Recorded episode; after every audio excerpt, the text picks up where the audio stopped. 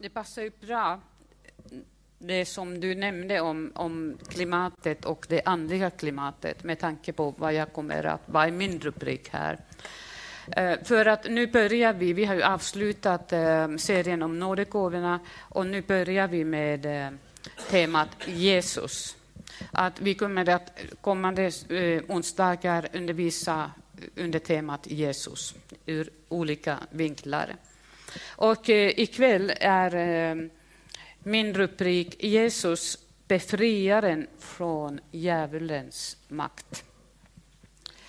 Eh, Sören Dalevi, biskop, har skrivit så här. Första kristna hade inte så mycket intellektuella kunskaper om vad kristen tro stod för eller vad Jesus stod för. Snarare hade de mött en verklighet som var större än de själva. Kristen tro var för dem inte främst en intellektuell övertygelse utan snarare ett sätt att leva sitt liv, ett sätt att förhålla sig till Gud. Alltså en andlig verklighet, en närvaro av uppstånden Jesus Kristus person som enligt sitt löfte var närvarande mitt i deras vardag.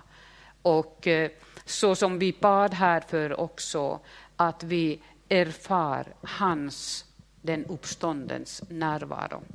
För att ordet, det är Guds ord, det är inte bara ord, utan det är kraft i helige Ande. Det är en beröring från den andliga världen. Eh, representanter för varsitt rike. Eh, Matteus evangeliet, eh, där i början fördes ju Jesus av Anden eh, ut i öknen efter sitt dop för att frestas av djävulen. Eh, och när han hade fastat i 40 dagar och nätter blev han till slut hungrig. Och då kom frestaren fram. Men i det här innan, det här var ju hans dop en överlåtelse till Gud. Jesus överlät sig hela sin ande, kropp och själ i Guds vilja. Han vigde sig för korsets väg, följa Guds vilja. Och här kommer frestaren och hans enda tanke är att eh, missleda honom förhindra honom att göra eh, Guds vilja och erbjuda annat än korsets väg. Där står de, ansikte mot ansikte. Representanter för två helt olika riken. En andlig verklighet som var en verklighet då och som är en verklighet idag. Guds rike, ljusets rike, djävulen härskare över luftens välde, mörkrets rike. Där stod de ansikte mot ansikte. Och de kände varandra. Båda visste vem den andra var och är. Jesus, som fick höra av Gud sin far vid dopet. Han är min älskade son. I honom har jag min glädje. En bekräftelse från Gud, min son. Jesus som kom till världen för att ge människor liv, liv i överflöd, trygghet, mening med livet, glädje, hopp som håller, som inte bara poff försvinner vid första motståndet. Verklig frihet och verklig lycka kom han för att erbjuda. Och sanningen som faktiskt, även om sanningen är smärtsam, Befria den. Frid i hjärtat, frid i själen, frid i anden. Det kom han att erbjuda. Och djävulen, Diapolos, fallen ängel, onda andas furste, ren ondska i honom, Guds fiende, lögnens fader, kan inte tala sanning, är en mödrare. Livsuven som har kommit bara för att stjäla, slakta och döda. Vi behöver ju bara titta över världen och undran över den här sataniska ondskan, avskyvärda brott, avskyvärda händelser för människor och i människor. Vi behöver bara se över världen för att se undens verk.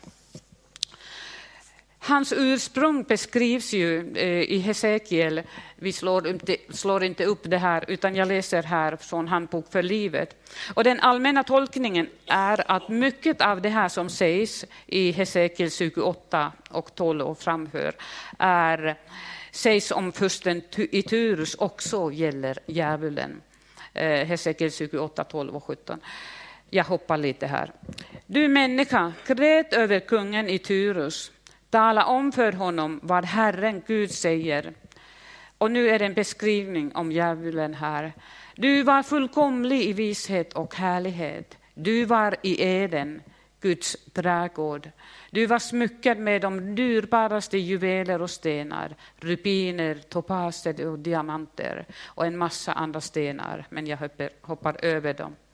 Du fick dem den dagen du skapades jag avskilde dig till att vara den utvalde vakthavande keruben. Keruben är, är ju en av änglan, änglasort, om vi säger så. Du hade tillträde till Guds heliga berg där du vandrade omkring bland dyrbara stenar. Du var fullkomlig i allt du gjorde från den dagen du skapades till den dagen då jag upptäckte att något inte stämde hos dig. Så här beskriver Gud eh, djävulen.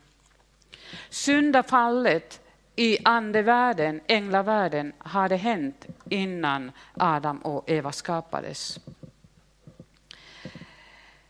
Mauri Wiksten, en, en Eh, erkänd duktig bibel, bibellärare eh, i Finland, skriver så här. Syndens ursprung är en bred fråga, men vi kan sammanfatta att syndafallet som hände innan Adams och Evas skapelse visar att änglarna hade möjlighet att välja om de ville tjäna Gud eller inte.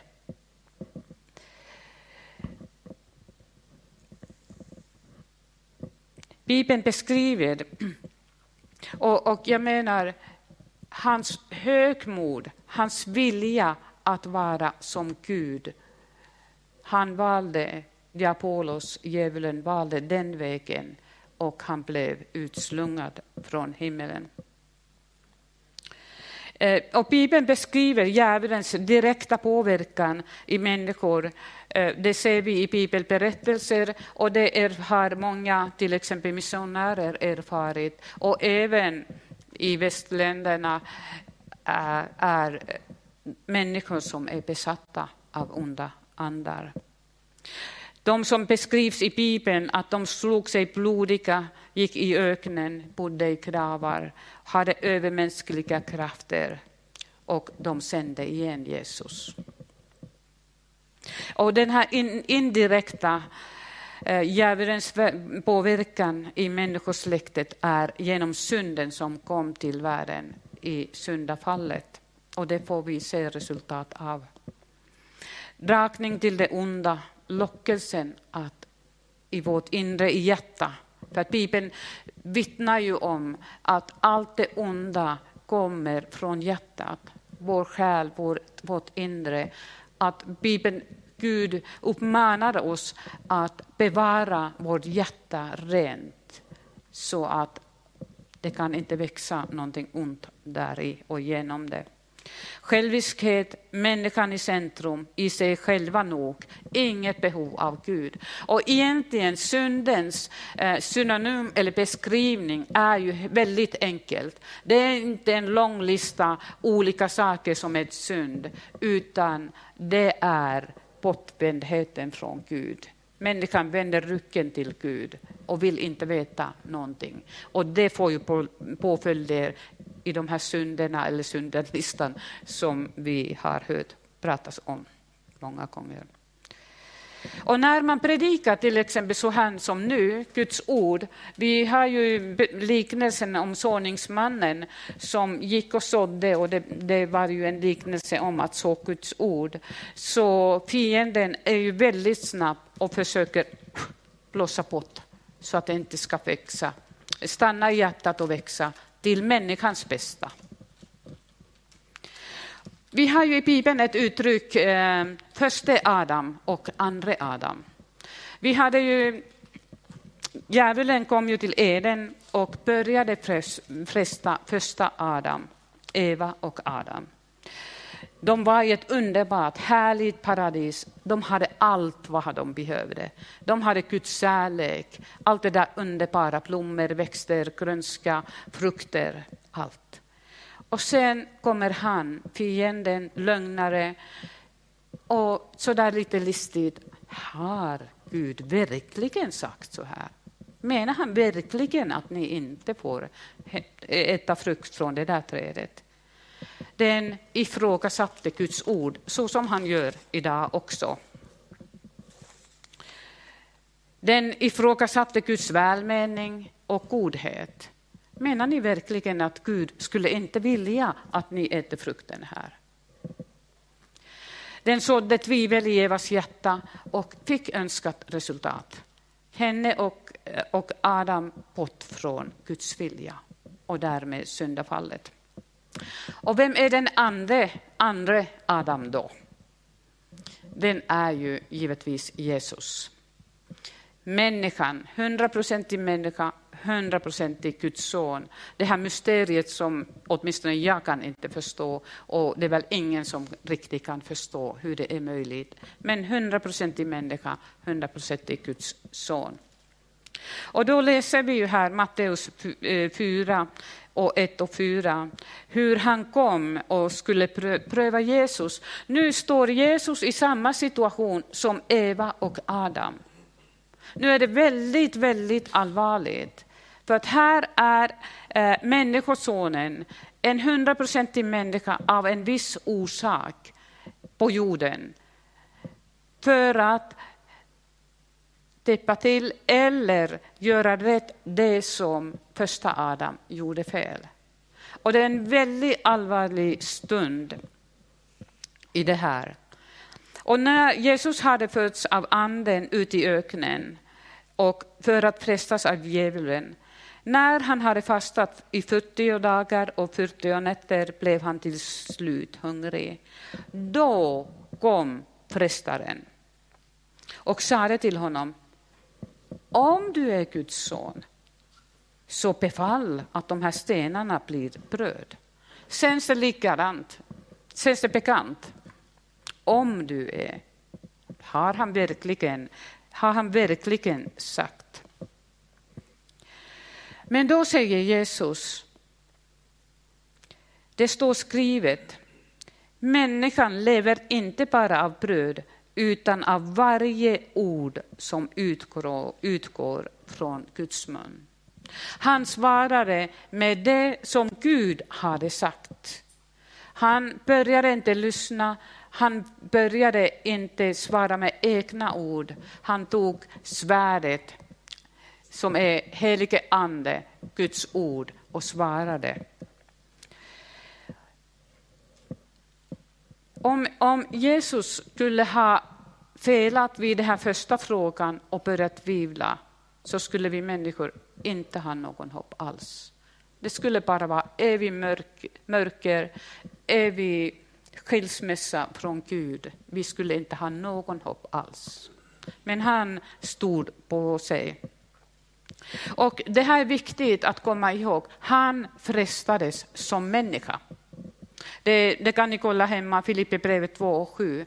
Han hade inte Guds son eh, han frestades som människa.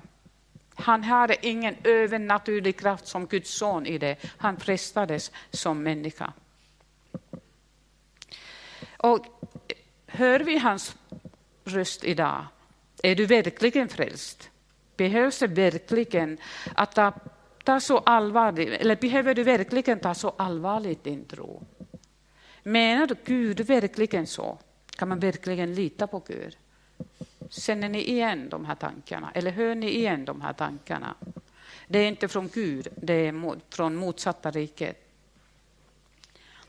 Och sen går vi till vers 5 och där, där säger han, då tog djävulen med honom till den heliga staden och ställde honom på tempelmurens krön och sade, om du är Guds son, så kasta dig ner.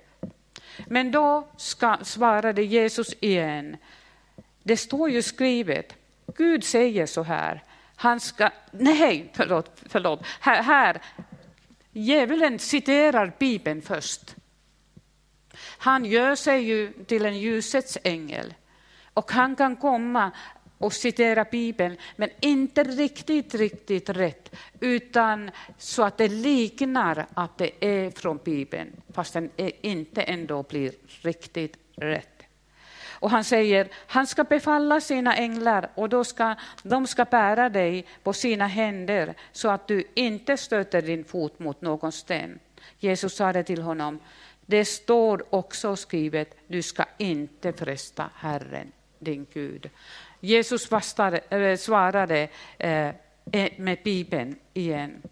Och det här med att du ska inte fresta Gud, när det står i Markus evangeliet kapitel 16, där i slutet, att, att de här tecken följer de som tror på Jesus Kristus. Och sen bland annat att om de dricker, dricker något som är giftigt ska det inte skada dem. Men då ska vi inte fresta Gud och säga okej, okay, nu dricker jag ett litet glas arsenik här. Och Gud sant är sant, ord är sant. Nu provar jag, nu dricker jag lite arsenik här och ni ska se att det skadar inte mig. Det är ju dumheter, det är ju fresta Gud. Men om du av någon anledning av misstag får, dig, får dig eh, gift till exempel, då kan du åberopa Guds ord. Du har lovat beskydd. Ni förstår skillnaden. Därför sade Jesus, du ska inte fresta Gud. Och sen lovar djävulen och visar snabbt för honom alla världens rikten. Makt och rikedom erbjuder han. Och han försökte locka bort Jesus från Guds väg. Eh, för från korsets väg, en enklare, raka vägen, rakare, lättare väg att eh, ha all makt på jorden i alla fall. Men om Jesus hade gått med på det, då hade hon ju blivit djävulens slav. Och sen ville ju han givetvis ha eh, allt detta ska jag ge dig om du faller ner och tillber mig, sa djävulen. Alltså det här samma som i himmelen. Han ville bli lika hög och stor som Gud var och därför kastades han ut ur himmelen på grund av hans stolt, stolthet. Och då svarade Jesus med det svärdet som vi också har fått. Helige Ande, Guds ord, svara alltid. Och han sade, gå på Satan. Och då lämnade djävulen honom. Och Lukas fortsätter för en tid. För en tid. Sen kom han ju åter och återigen. För att jag kan tänka mig att den här andliga verkligheten som är fakta, fast vi inte ser, han hade ju panik. Han visste ju vad det var frågan om. Det var frågan om hans eviga framtid. Och eh, han försvann för en tid. Och det viktiga, det triumferande var att Jesus vann den här prövningen, frestelsen, och han stod på sig och han gav inte efter för Satans frestande. Det var det viktiga. Det var säkert för oss också.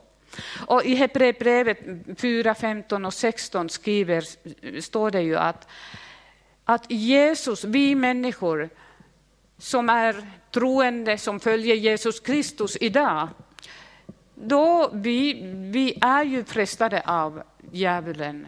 Han försöker locka oss också från Jesus, från Guds vilja, komma med frågor om och eh, är det verkligen allt det här som jag har berättat här tidigare. Men vi behöver inte vara rädda för det, för att han som är i oss och med oss är större han som härskar för tillfället i världen. Vi behöver inte vara rädda. Så länge vi håller handen i Jesu hand har vi inget att frukta. Och Jesus har sagt att så länge vi eh, är, håller vår hand i honom så kastar han inte ut oss. Visst är det tryggt? Så vi har inget att frukta, men det är bra att vi vet vilken andlig verklighet vi lever i. Varför det? För att vi kan vara vakna att vi kan förstå, att vi kan svara med Guds ord, att vi kan försvara oss, att vi kan försvara våra kära medmänniskor, att vi kan be på rätta sätt. För att i Bibeln är ju ett av, beskriver att ett av vapen för mot honom fienden är våra böner. När vi ber i tron, när vi ropar till Jesus Kristus, till vår Gud, då säkrar vi och, och eh, Guds rike tar eh, mark, eh, expanderar och mörkrets rike blir mindre och mindre. Vi kan säga, gå bort Satan i Jesu Kristi namn. Alla har den makten, all ödmjukhet, inte tack vare vad vi är, men vad, vad, tack vare det vad vår Herre Jesus Kristus är. Vi måste eh, vara vakna i den här andliga striden för att rädda människor från mörkrets rike, evig mörker till himmelen och himmelsrike. För att det är Guds vilja, Guds tanke. Och den vägen, dörren till himmelen, är endast genom Jesus Kristus. Endast det att vi säger att jag tror på Herren Jesus Kristus. Han dog och uppstod för mig, för att jag ska få mina synder förlåtna. Och det är ju det här underbara, det här juridiska, att jag läser till vad han har gjort för mig och jag säger Jesus, jag har syndat. Jag har gjort fel, förlåt mig förlåt mina synder. Och I den här stunden sker det en juridisk händelse i mitt inre. Jag är pånyttfödd. Och du är pånyttfödd, människan är pånyttfödd. Det är en ny människa, ny varelse här inne som börjar växa till likhet eh, den först, eh, andra Adam, Jesus Kristus, och bli mer och mer avbild honom. Det är Guds tanke. Men det här härliga juridiska, att vi alla som säger att Jesus är min Herre, vi har ett, ett, ett sigill som kurserna har på filmer, att tillhör, tillhör Gud. Visst är det härligt? Det är vår trygghet, vi tillhör Gud. Helige Andes sigill. Nu kommer jag av mig lite här, det blev så. men, men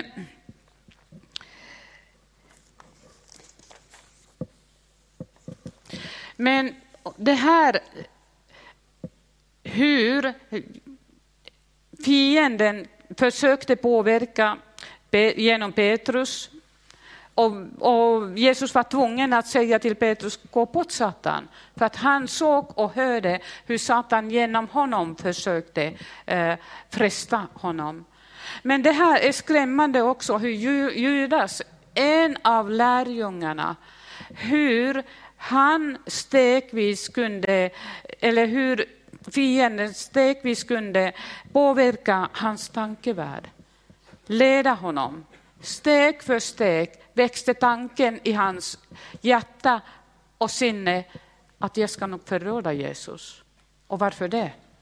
För att han var girig. Han ville ha 30 silver, silvermynt. För att han var ju suv också. Bibeln berättar. Han tog från den gemensamma kassan pengar. Han var suv. Och det var ju boten in i hans liv att djävulen kunde påverka och göra detta hemska. Det är så tragiskt människoöde om man tänker på honom, hur han öppnade med oärlighet.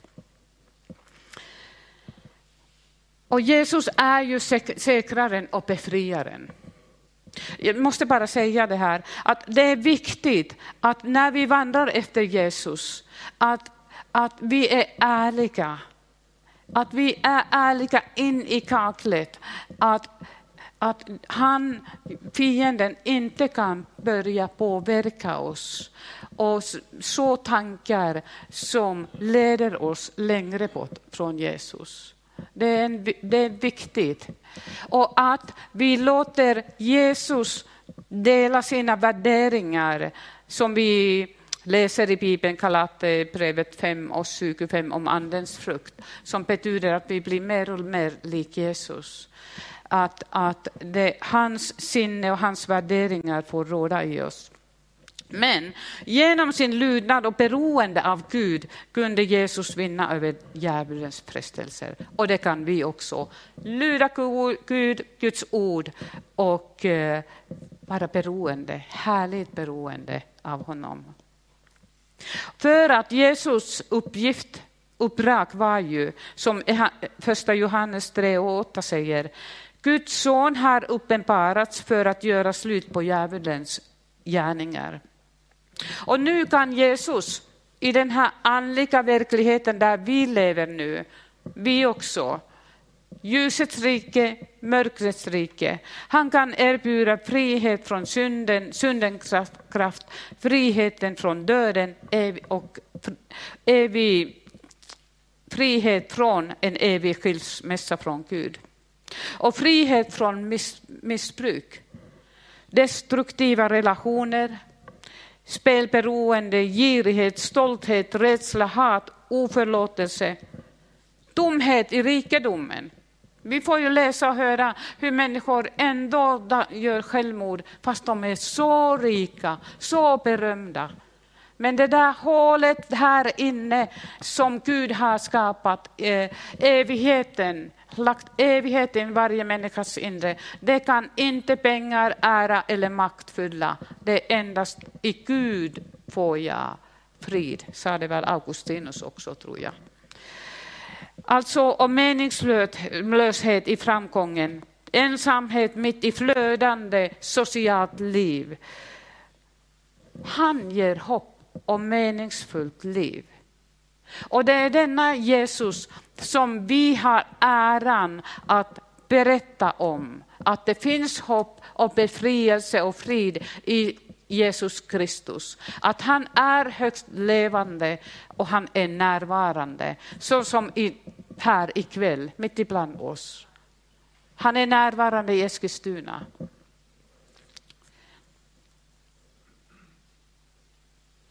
Eh, jag läser bara här från Apost, nej, eh, Romar, Romarbrevet 8.1.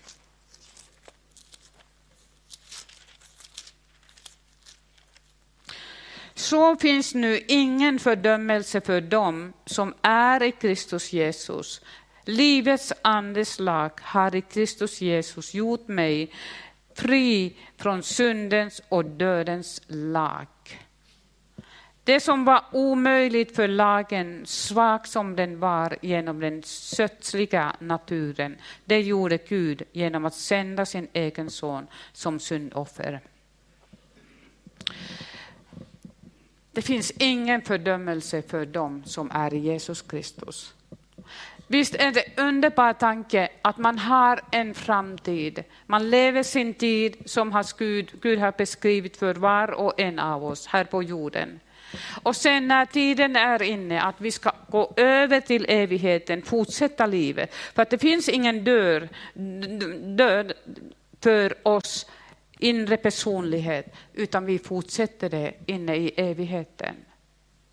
Det är trygghet, det är frihet, det är ingen rädsla.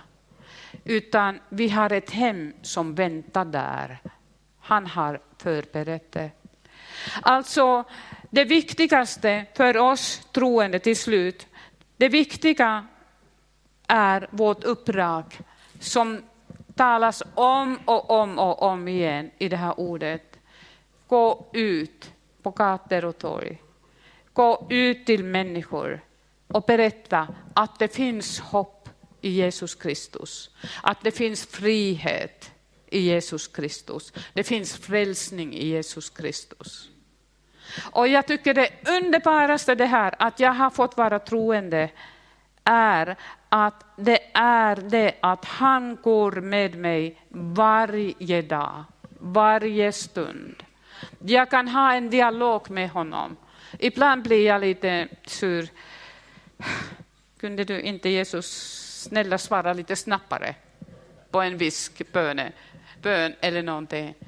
Och sen helt plötsligt överraskar han när jag kör bil och talar till mig för som jag har varit frustrerad för och bett länge för. Och det har verkat så segt, ingenting händer.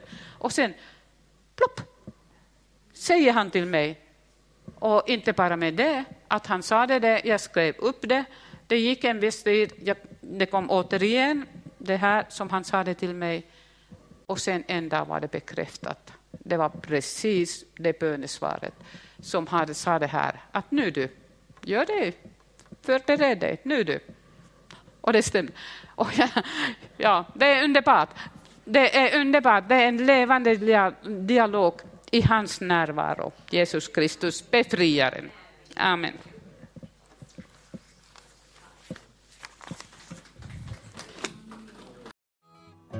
Du har lyssnat till en predikan i Pingstkyrkan i Eskilstuna. Om du vill höra den igen eller höra andra predikningar eller se, då finns vi på TV Eskilstuna och vi finns på Youtube där du hittar oss under eh, Pingstkyrkan Eskilstuna. Du kan också klicka på prenumeration om du vill veta när nya predikningar läggs ut. Alla är välkomna hit. Du är varmt välkommen att eh, kontakta oss eller besöka ett av våra möten eller kyrkan. Eh, du kan också ringa till oss eller skriva på vår mailadress om du eh, har en fråga eller om du önskar att vi ska be för dig eller för en situation. Det finns också mer information om oss och våra möten, aktiviteter för alla olika åldrar på vår hemsida och även på vår Facebookgrupp. Jag önskar dig allt gott och Guds välsignelse.